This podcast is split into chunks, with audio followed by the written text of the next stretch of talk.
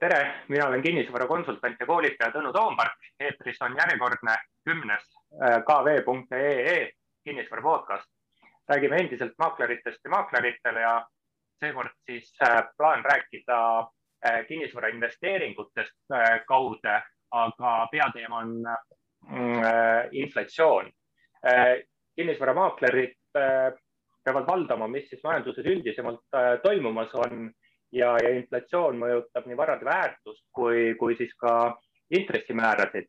ja täna olen äh, kutsunud äh, Luminar Pank analüütiku Tõnu Palmi rääkimagi sellest, mis on inflatsioon ja, ja, ja kuidas see meie äh, tänast kinnisvaraturgu võiks mõjutada. tere, Tõnu. tervist. aga räägikski inflatsioonist siis kõigepealt, et mis asi üldse on inflatsioon, sellest juttu, juttu on palju ja, ja mis see on? Ja inflatsioon on olnud inimkonnaga kogu, kogu ajaloo, et tegelikult on ju olemas ju piiratud hulk äh, kaupu ja teenuseid äh, kättesaadavad igal ajahetkel ja, ja selle vastu on ka siis nõudlus. et äh, kui, kui nõudlus nende kaupade, teenuste vastu kasvab, siis, siis tihtilugu kerkivad ka hinnad, et, et selline ma, lihtne majandusseos tegelikult on, on aastasadu inimesi inimkonda kujundanud ja, ja kerge inflatsioon on tegelikult selles suhtes äh, euroalas äh, eesmärgina kaks, kaks protsenti äh, suhteliselt hea asi, sellepärast et, et ta võimaldab ka majandusagentidel nagu opereerida sellises teatud lõtkuga, et, et, et kujutame ette, et kui keskeltläbi hinnad ei kasvaks, siis tõenäoliselt on, on hindu, mis, mis peavad langema ja, ja majandusagentidel on raskem hakkama saada siis, kui, kui, kui hinnad kukuvad. jah, ma mäletan, ma mäletan seda aega küll, kui kilo suhkrut maksis seitsekümmend kaheksa kopikat ja, ja, ja eks me kõik tea, kuhu see äh, omadega viis. aga eks, et üks asi on äh, inflatsioon kui, kui hinnataseme tõus äh, kaks protsenti, aga, aga kuidas siin omavahel seostuvad tarbijahinna tarbijahinnaindeks, eks, mis, mis justkui väga-väga ei kerki, siis teisest küljest me näeme, et aktsiaturud äh, löövad rekordeid, krüptorahad äh, löövad rekordeid, kinnisvarade hinnahüppeid, startup'ide väärtused kasvavad, et kuidas, kuidas need nüüd inflatsioonimängu äh, suhestuvad? suures plaanis äh, mõõdetakse siis äh, hinnakasvu Statistikaametite poolt tarbijahinna äh, indeksi korvi põhjal kus on siis äh, põhikaubad ja teenused ja suures osas on siis ütleme seal üle neljakümne protsendi teenuseid ja, ja siis äh, ülejäänud hulgas äh, kaubad ja kuskil kümme protsenti energia on, on kodanikel väljaminekut transpordiga, nii et ütleme, see mõõdab siis sellist aasta baasil, et kui, kui palju see hinnatase nendes kaupades-teenustes äh, kodanike jaoks kasvab. küll ta ei hõlma, eks ju, tihtilugu just äh, kinnisvarahindasid ja, ja, ja finantsvarade hindasid, aktsiahindasid.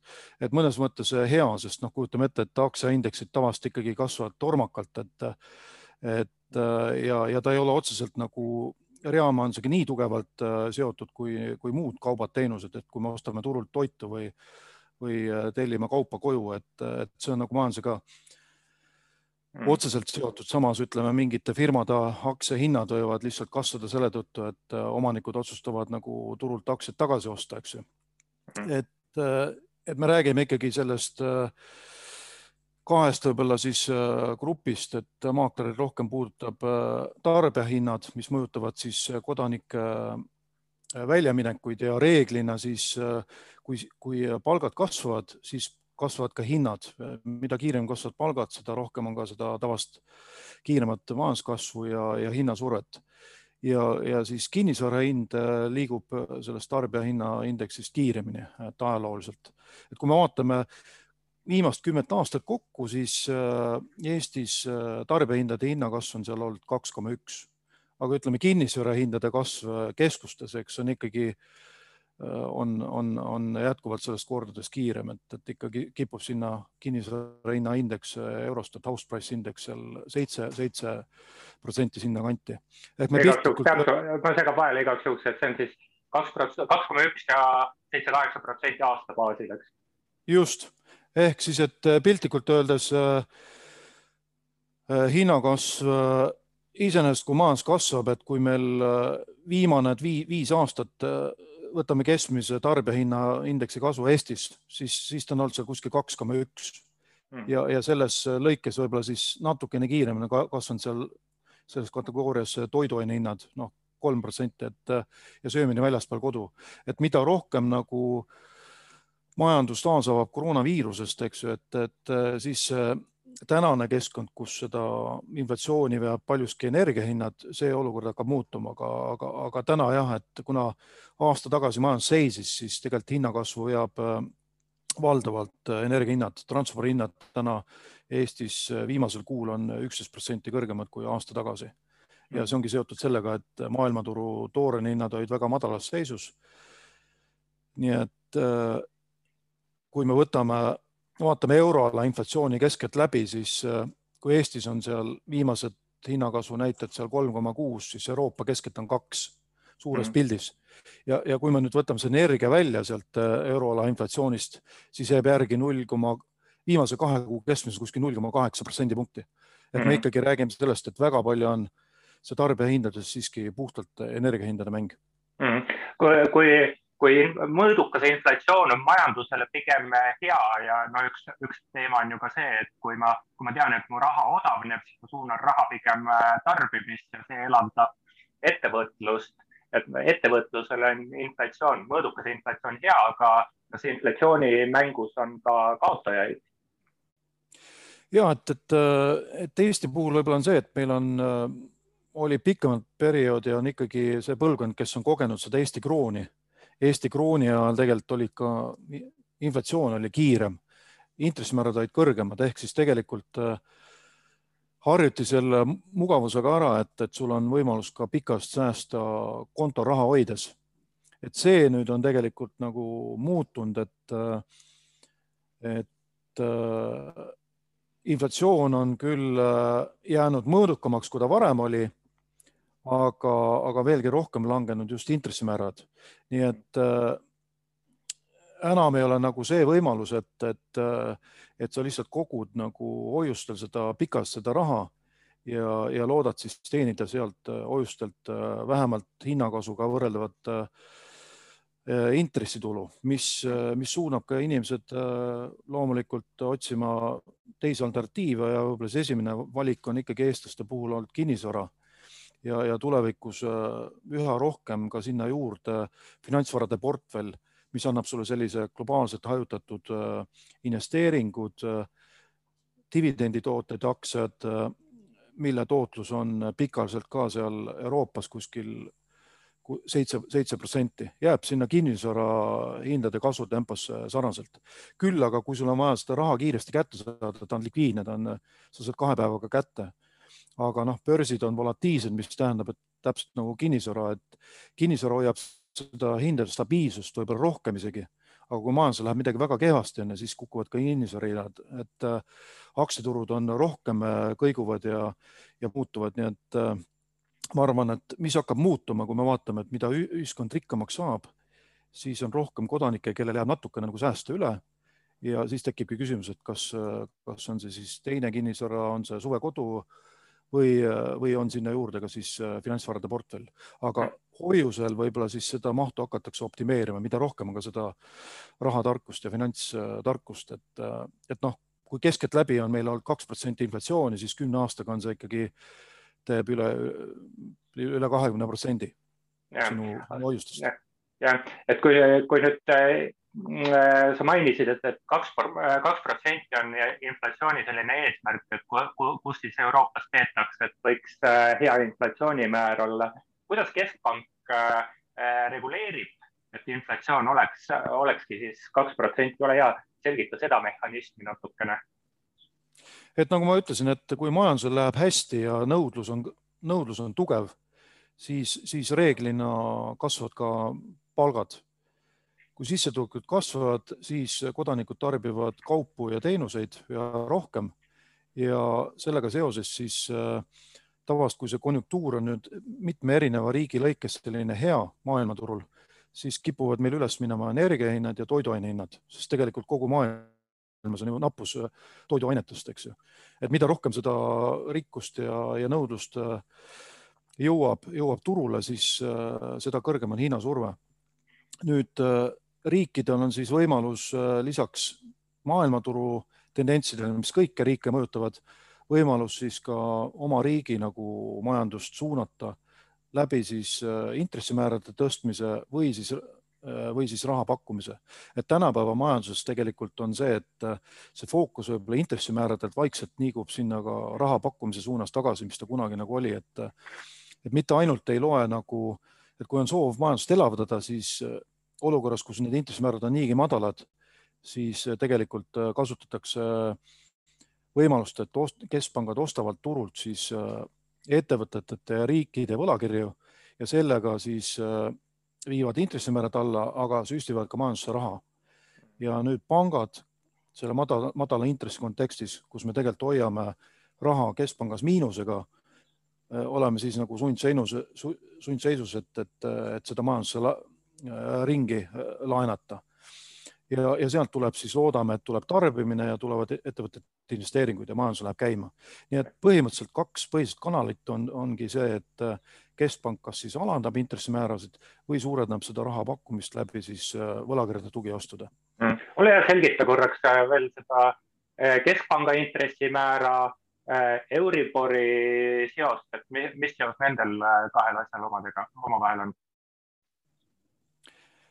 Keskpank mõjutab siis väga lühi, lühiajalisi ja rahaturu intressimäärasid, et eeskätt, et ühtepidi keskpank Äh, määrab sellise lühiajalise raha hinna pankadele, millega ta siis pankadelt kas äh, raha laenab või, või hoiustab. täna on määrav just see hoiustamise intressimäär ehk raha on pakutud turule väga palju ja, ja pangandussüsteemis on seda rohkem, kui on vaja ja meie siis äh, selle ülejäägi panustame keskpanka.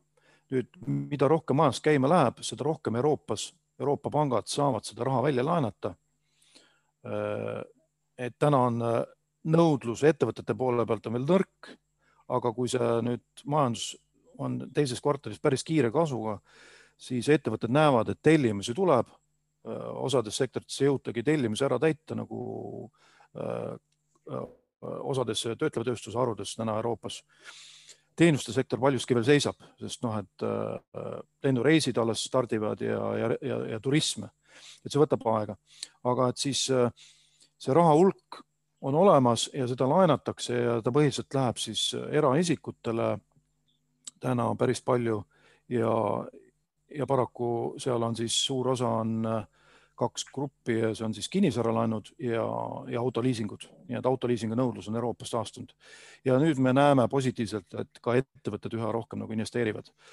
kui majandus läheb käima, siis Euroopa Keskpank tõenäoliselt näeb seda, et äh, on aeg hakata vähendama seda raha hulka majanduses ja sellega kaob surve võib-olla meie, meie poole pealt ära, et, et seda raha on süsteemis vähem küll aga intressimäärad on veel miinuses, et, et pankade poole pealt oleks, oleks, oleks parem, kui need intressimäärad, millega me hoiustame keskpangas, on, on, on seal nullilähedased.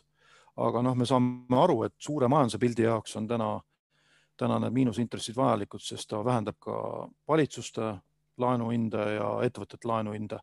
nüüd tulles selle keskpanga lühiajalise intressi juurest see küsimus oli siis, et äh, mis on see Euribor. Euribor on siis see, kui, kui see raha, mis, äh, mis, mis pankadel on, laenatakse äh, professionaalsete siis finantsvahendajate omavahel. et kui näiteks üks pank laenab keskpangast endale, võtab, võtab laenu, siis see raha saab liikuda ka eurosüsteemi sees erinevate liikmesriikide vahel, et oleks selline ühtlane intressimäär euroalas ja pangad omavahel siis laenavad, et kellel on juhtumisi näiteks, et äh, tekib, et sellel nädalal on palju raha üle. et, äh, et näiteks äh, ostetakse ära mingi nende võlakirja investeering, raha laekub kontole ja seda on rohkem, seda ei saa välja laenata, siis on läbi rahaturu võimalus seda raha teistele pankadele laenata. ja seal rahaturul siis edasi see on erineva tähtajaga intressimäärad ja üks, mis meid nagu väga otseselt mõjutab, on siis kuue kuu Euribor. see on siis, kui pangad omavahel laenavad raha kuueks kuuks. see mm. turg on suhteliselt õhuke, aga see on oluline just meie jaoks, sest, sest kinnisvaralaenud on sellega seotud mm et, et kui ma kuidagi nüüd prooviks ümber sõnastada seda äh, pikka juttu, siis kesk, äh, keskpank reguleerib äh, intressimäära, millega ta kommertspankade raha äh, hoiustab, kas see on siis näiteks, kui see on negatiivne, siis kommertspankadel peaks olema motivatsioon raha hoopis ettevõtetele välja laenata, ehk siis, et ettevõtted investeeringuid teeks. oli, sain ma õigesti aru, eks?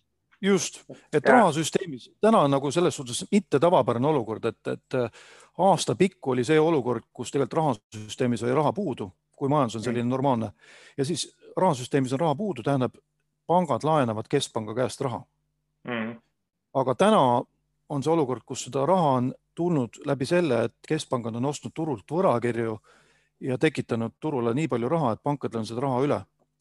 ja, ja selle tõttu on, on täna olulisem siis keskpanga seda deposiidimäär ehk mis, mis intressi peame meie keskpangal maksma äh, vabade rahade hoidmisest ehk mm. meie, meie vabade rahade hoidmine keskpangas läheb meile maksma seal äh, null koma neli protsenti.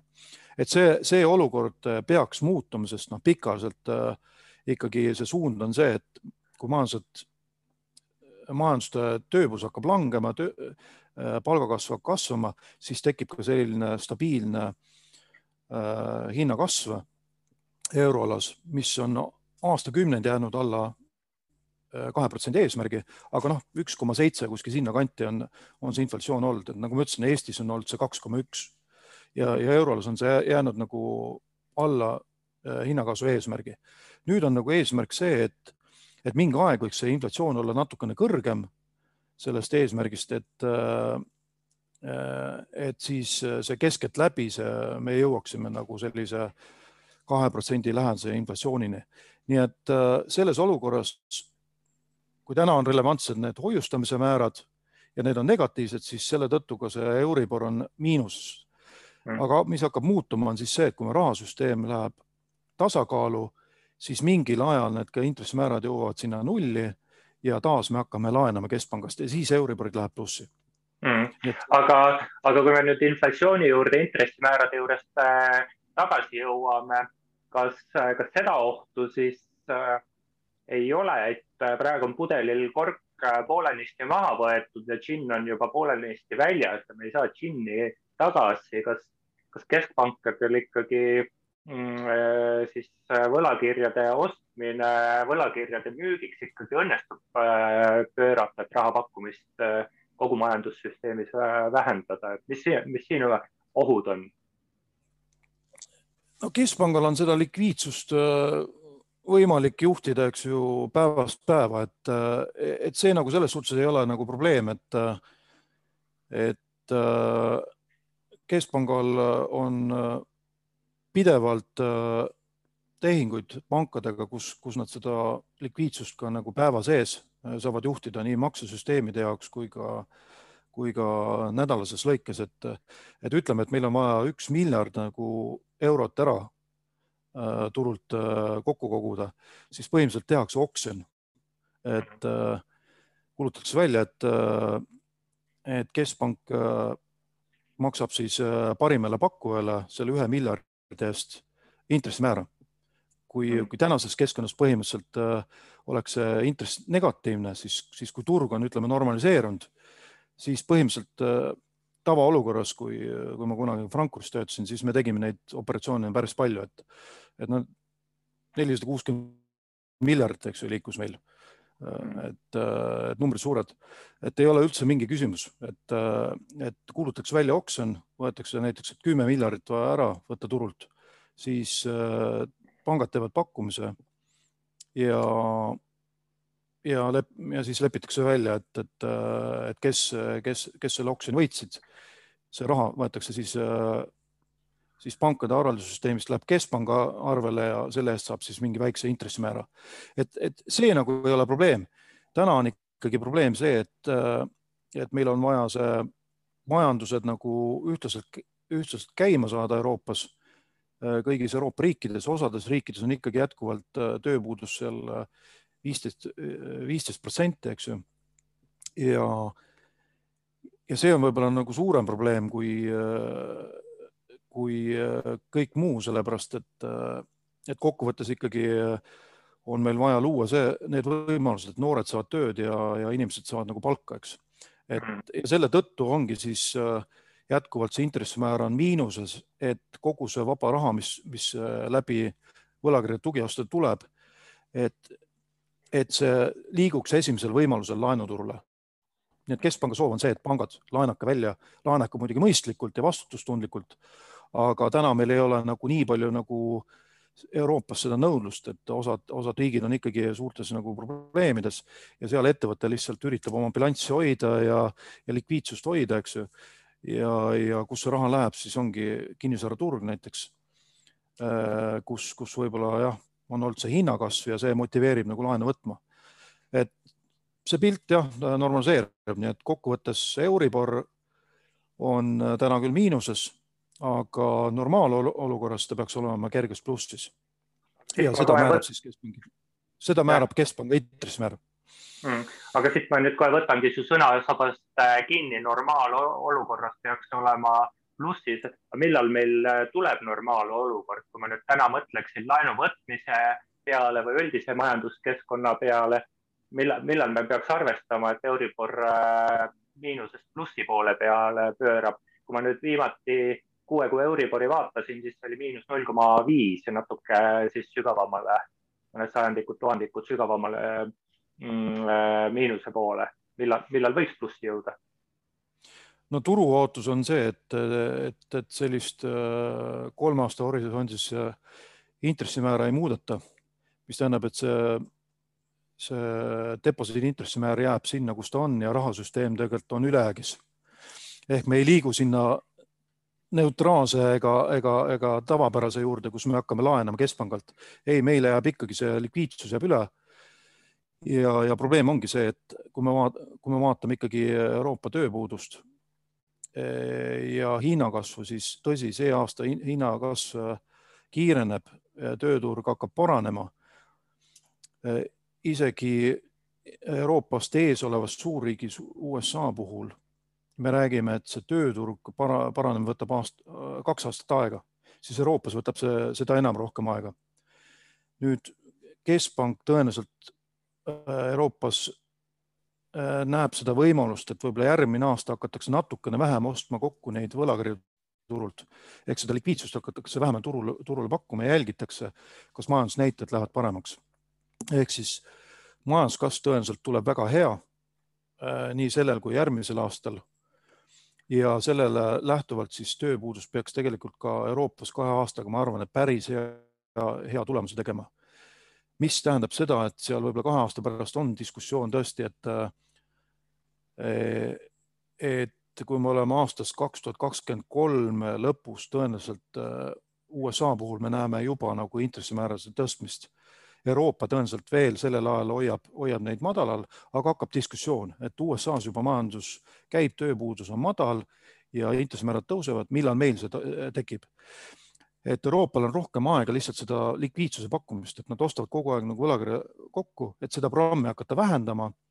ja keskpank on öelnud seda, et, et, et seda tehakse väga ettevaatlikult ja noh, arvestades seda, kus on Itaalia, Hispaania veel, eks ju, ja osa lõunariike, et et äh, ma ei oleks jah, intressimäärades tormakas, et rahasüsteemi ülepakkumises ka kaks tuhat kakskümmend kolm on minu prognoos, deposiidimäär on seal ja kui deposiidimäär on, on see põhi, põhioluline intressimäär, mitte laenu, laenuintress, siis äh, ei saa ka Euriborid äh, kuus kuud kuhugi palju liikuda.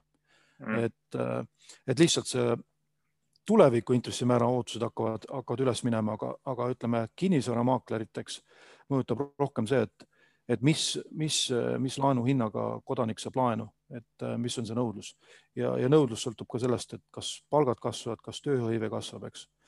et, et, et ma arvan, et selles suhtes on hea seis nagu kinnisvaraturul, et, et ei ole siin paraku näha äh, kiiret intressimäära tõusu Mm. et kui ma nüüd äh, olen äh, kas kinnisvarainvestor või ma olen kinnisvaramaakler, kes vahendab investeerimistehingut, siis ma praegu lugesin küll välja, et vähemalt kolm aastat on intressimäärad maas ehk ma võiksin praegu soodsat intressimäära ära kasutada ja siis loota varade inflatsioonist, just siis kinnisvara kallinemisest võitu saada ja peaksin siis võimendama maksimaalsel määral ehk proovida, proovima peaksin saada võimalikult palju laenu oma investeeringule peale.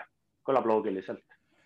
Ja majanduslikus loogikas loomulikult, et tänane miinusintresside keskkond ongi see, et kus äh, tegelikult ongi sõnum, et äh, keskpank tahab näha, et majandusagendid laenu võtavad, sest noh, ilma, ilma laenu võtmiseta ei ole sul tarbimist ja investeeringuid, eks ju.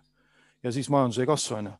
et, mhm. et me ikkagi elame selles keskkonnas, kus äh, kus, äh, kus me tahame seda kiiremat majanduskasvu näha selleks, et tuleks uusi töökohti ja, ja kunagi tekiks ka selline palgakasv, mis, mis annaks selle hinnakasvule stabiilsuse.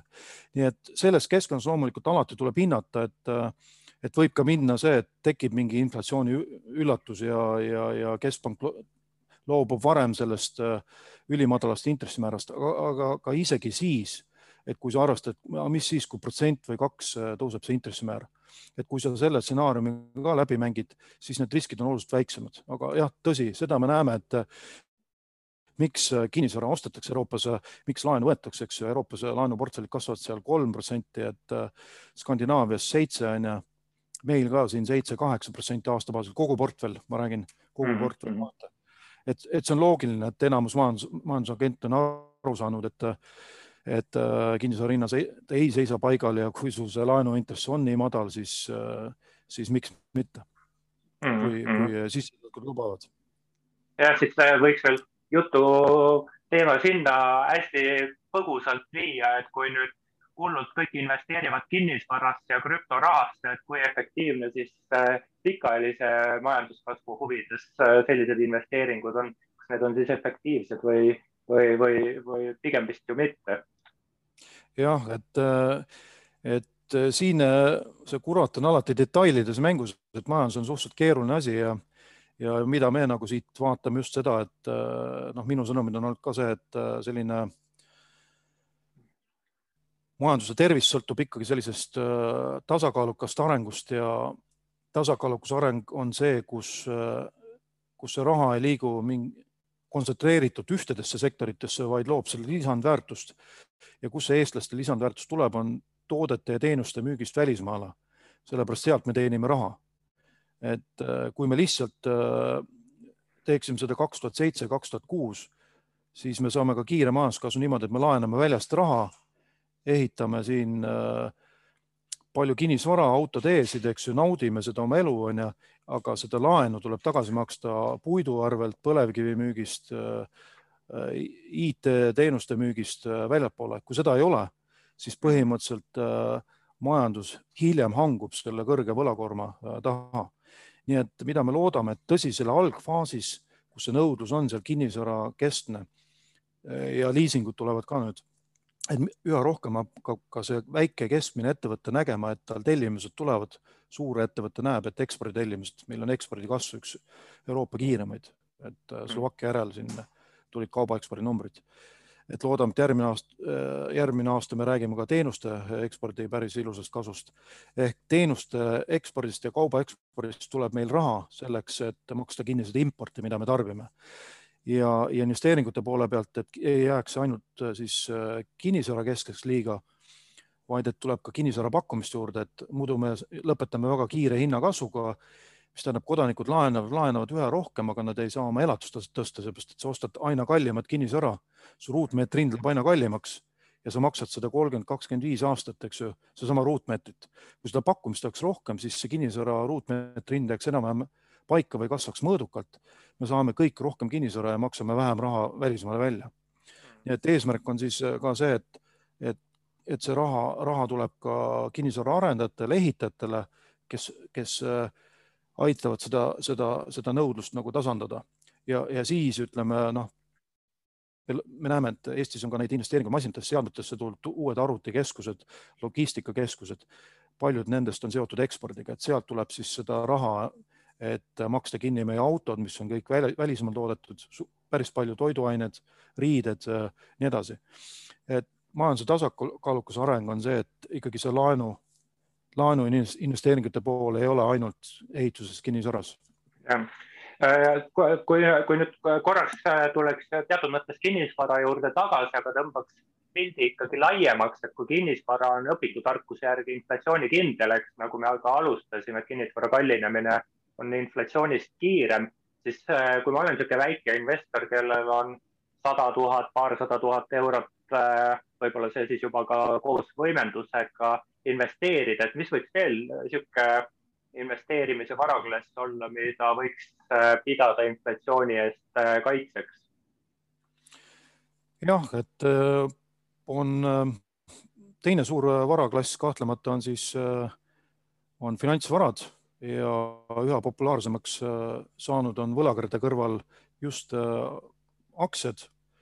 Äh, alustati investeeringuid rohkem Eesti aktsiates, siis liiguti Balti aktsiatesse ja ja, ja nüüd tegelikult on aru saadud, et risk, riske võiks rohkem hajutada, et, et sul need säästud ei oleks kõik ühes kohas, et, et kui sul on kinnisvara, eks ju, et Soome näitel, siis keskustes kinnisvara hind kasvab, aga keskusest väljas ta langeb, et mm Äh, samuti kinnisvara erinev kvaliteet, et kui sul tuleb palju kvaliteetset üüri, üüri, üüripakkumist, siis see üürikinnisvara võib-olla vajab sul renoveerimist ja investeerimist, ei pruugigi nii mhm. tootlik olla või, või üürnik on pahatahtlik. ehk alati on see, et investeeringuid tasub hajutada varade klasside lõikes ja, ja, ja ma arvan, et see on hea võimalus eest, eestlastel aktiivsemalt nagu osaleda äh, kelle võimalus siis ka moodustada selline globaalne portfell erinevatest aktsiatest ja, ja kui läheb kinnisvaral paremini, üürikinnisvaral teenib sealt, teenib aktsiatest juurde, aga ütleme, see koroonakriis näitas, et aktsiad andsid väga head võimalust tootlusteks. et täna aasta algusest Euroopa börsid on plussis kuskil kaksteist, kolmteist protsenti, et see on täiesti konkurentsivõimeline tootlus euros ja need on suure, suurettevõtted, kes on eksisteerinud kakskümmend, kolmkümmend, nelikümmend aastat. et me ei räägi sellisest äh, sellest riskist, äh, mis on võib-olla siis alustavad ettevõtted, need võimaldavad küll võib-olla suuremaid tulusid, aga suuremaid riske, aga ütleme mm. ka ise selline traditsiooniline börs võimaldas ikkagi aasta algusest äh, kahekohalist tootlust ja loomulikult me ei räägi siis, kui osteti siin kriisi põhjas mm. -hmm. aga mm. olles konservatiivsed, siis ikkagi pikaajaliselt selline kuus-seitse protsenti tootlust, dividendi tootlused on tavaliselt kaks-kolm, on tegelikult päris hea täiendus. et kui on vaja likviidsust, likvideerid selle ära, äh, selle portfelli mm., saad selle raha kätte, et et äh, mm. ma arvan, et kodulaenu omanikel võiks ka see variant olla, et kui kaotad töö või vahetad töökohta, siis kasutad seda finantsportfelli ja võtad sealt täiendavat likviidsust. et see on minu arust hea riski maandamine igal juhul mingi, mingi hajutatus oleks väga mõistlik. aga kui, kui juttu nüüd lõpupoole tüürida, et, et mõeldes nüüd jälle siis äh, väga kitsalt kinnisvara valdkonnale ja mõeldes äh, sellele, millest me alustasime ehk inflatsioonile mõelda ja mõeldes äh, intressimääradele, siis mis nõuandeid sa annaksid neile inimestele, kes kinnisvarasse plaanivad investeerida, mida nad siin peaks silmas pidama? ma arvan, et äh, üks, üks eestlaste hea valik ongi olnud tegelikult kinnisvara, et kui me võtame kasvõi see kakskümmend, kolmkümmend aastat perioodi, siis ikkagi heas, heas, hea asukohaga kinnisvara, ta on sul pakkunud hea võimaluse nautida oma elu, et selles suhtes enamus ajast sa ikkagi veedad äh, kas siis tööl või, või kodus on ju. ja, ja puhkehetki on võib-olla vähem. et äh, kuskil mujal, et, et see põhi, äh, see esimene kinnisvara, et kus, kus sa nagu elad, et, et see annab tegelikult äh, väga hea võimaluse see tegelikult nautida seda investeeringut. et, et mm. siis kodu nagu parendamine, energiaefektiivsus, võib-olla paremad, avaramad, valgemad toad ja nii edasi. et, et, et, et kui me vaatame, et eestlased on rohkem investeerinud kinnisvarasse kui eurooplane keskmiselt, siis, siis see on nagu selles suhtes õige, et, et meil oli ka läbi omandireformi oli rohkem omanikke, et Euroopas mm. on hinnad liikusid nii kiiresti ära, et, et, et noored ei jõudnud enam selle kinnisvara rongi peale ja siis, siis tekkis see rendi ja rendikinnisvara. Et mm. meil siiski on päris palju on kinnisvara omanikke ja just see kinnisvara parendamine tegelikult tõstabki su elukvaliteeti. et äh, ma arvan, selles keskkonnas, kus need intressimäärad on madalad ja suhteliselt soodne on ikkagi seda kinnisvaralaenu võtta ja maksta, et, et, et siis äh, üürituru kõrval on see omaniku tootlus olnud päris, päris hea tegelikult mm.. et äh, loomulikult üürituru eelis on see, et sa saad äh, tänapäeva noor mobiilne, et töötan täna siin, eks ju, homme seal, et, et ei taha ennast siduda, aga, aga, aga see sidumine ei ole ka halb, halb idee, kui ma vaatan pikka, pikka aega ja nii madalaid intresse. Mm.. selle, selle võib-olla hea tõdemusega ma nüüd sõnastan selle omamoodi ümber, et oma nahk on ikka ihule kõige lähemal ja, ja, ja, ja selle, sellest hoolitseda pole ju sugugi paha, paha mõte, et vastupidi, väga hea mõte, et vaadata, et endal mõnus oleks ja siis vaatame edasi, mis saab. aga tänan sind, äh, Tõnu, äh, nende heade mõtete eest. Tõnu Halm, Luminor panga analüütik. täname kuulajaid, et kuulasite, vaatasite ja pühendasite oma aega meile. mina olen kinnisvarakonsultant ja koolitaja Tõnu Toompark. kohtume järgmistes kv.ee kinnisvara podcastides. jälle nägemiseni. päikselist suve